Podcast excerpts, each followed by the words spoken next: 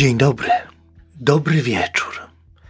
Gdziekolwiek i kiedykolwiek zechcielibyście mnie słuchać. W 78 odcinku podcastu o poezji nad morze wszystkich przyjaciół wiersza wita Piotr Wiktor Lorkowski.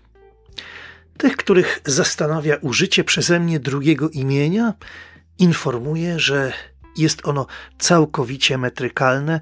Po raz pierwszy użyłem go ponad 30 lat temu, kiedy jako recenzent debiutowałem na łamach prasy bezdebitowej, czyli mówiąc w skrócie podziemnej. Mój debiutancki tekst, poświęcony poezji Rainera Kuncego, można znaleźć na moim instagramowym profilu. Wtedy, czyli późną jesienią roku 1988 wypadło mi trochę odróżnić się od innych moich imienników z imienia i nazwiska, a potem tak już pozostało. Ten odcinek będzie także odcinkiem osobistym, bo chciałbym powiedzieć tutaj słów kilka związanych z moją lekturą wierszy Zdzisława Lipińskiego, poety z Sopotu, który tak naprawdę mieszka jeszcze bliżej morza niż ja. Na Karlikowie to taka południowa część Sopotu. Kiedy się idzie czy jedzie w stronę Jelitkowa, to już jest Gdańsk, to wtedy kiedy się właśnie samochodem jedzie, czy po prostu idzie, ma się ją po prawej stronie. To taka też bardzo historyczna dzielnica, ale o tym już pewnie kiedyś na osobnym miejscu. Zdzisław Lipiński debiutował z górą cztery dekady temu na łamach Dziennika Bałtyckiego wierszem Rekonstrukcje. To był rok 1980.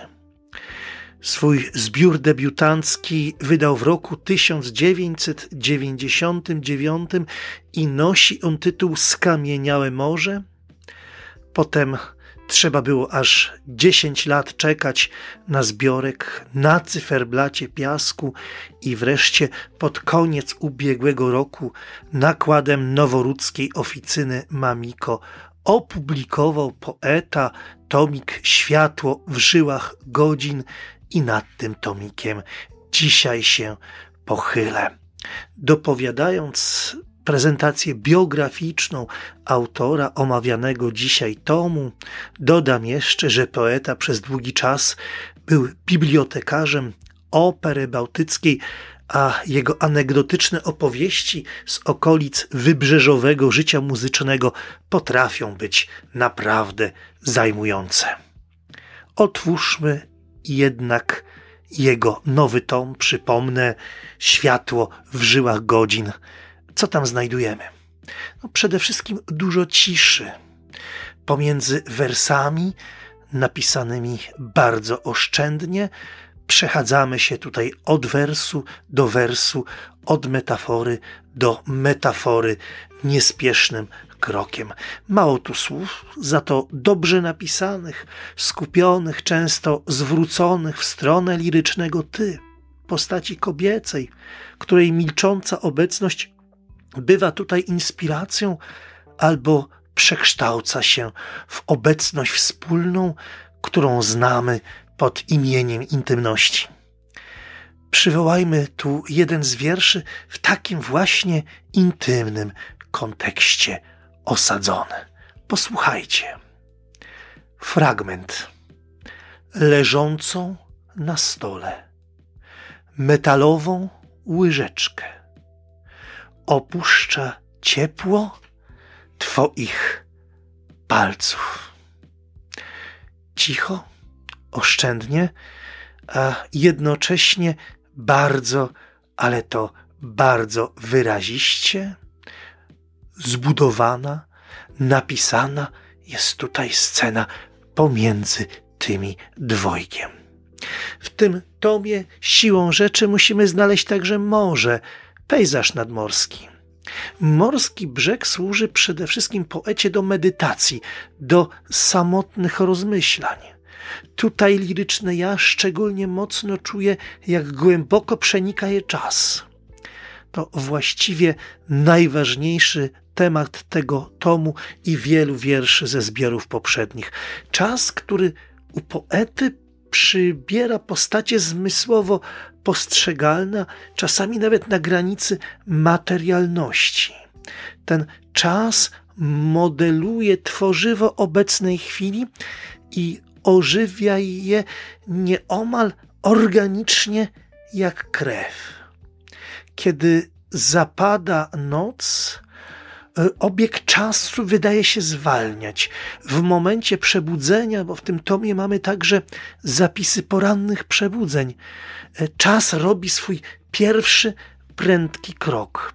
Chyba też nie będzie przesadą, gdy powiemy, że poezja stała się dla tekstowej persony Zdzisława Lipińskiego sztuką godzenia się z czasem i z egzystencjalnymi znaczeniami, które ten czas ze sobą niesie, który ten czas ze sobą i swoją siłą, swoim oddziaływaniem przemienia.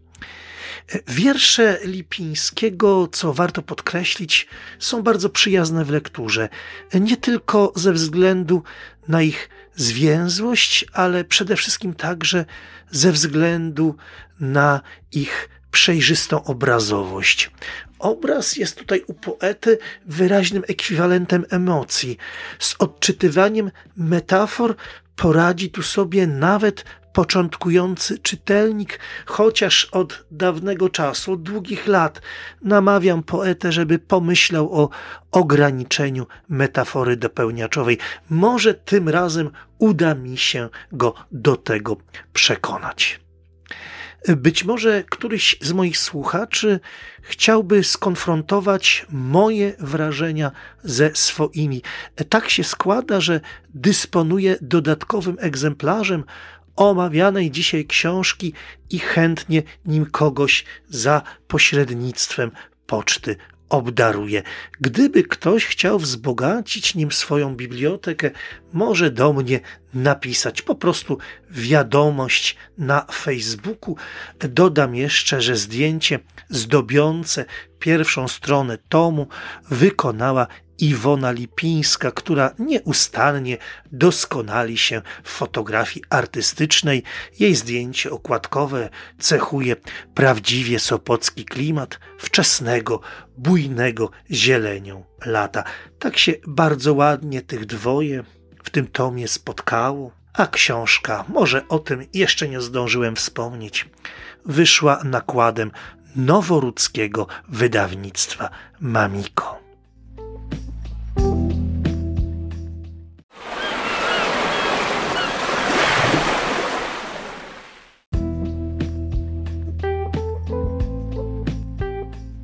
Być może są wśród moich słuchaczy tacy, którzy latem chcieliby przyjechać do kurortu w roli konkursowych laureatów. Zatem zapraszam do udziału w kolejnej 27. edycji konkursu o Złote Pióro Sopotu. Link do tego konkursu można znaleźć w notatkach do dzisiejszego odcinka.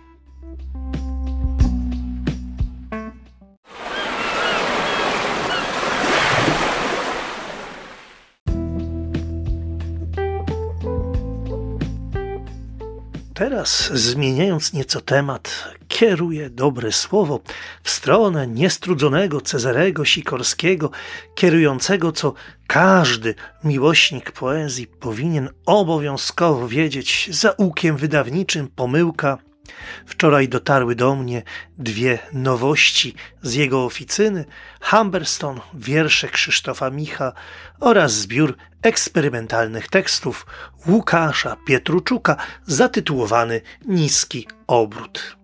Dziękuję wszystkim, którzy zechcieli wysłuchać tej audycji. Zapraszam do komentowania, lajkowania, subskrybowania mojego podcastu dostępnego w wersji audio na Ankorze i Spotify, a w wersji wideo na Instagramie i YouTube. Kolejne odcinki już niebawem. Pozdrawiam wszystkich swoich słuchaczy w każdym zakątku globalnej sieci. Mam nadzieję, że tam, gdzie jesteście, wciąż jest bezpiecznie. Szczególnie ciepło myślę o tych, którzy wciąż pomagają uchodźcom z Ukrainy. Z Sopotu, z nad polskiego morza, mówił do Was mocno już w wiosennym klimacie, choć dzisiejszy dzień to zimny wiatr z północy, ale czekam na wiosnę. A więc z Sopotu, z nad polskiego morza, mówił do Was Piotr Wiktor Lorkowski.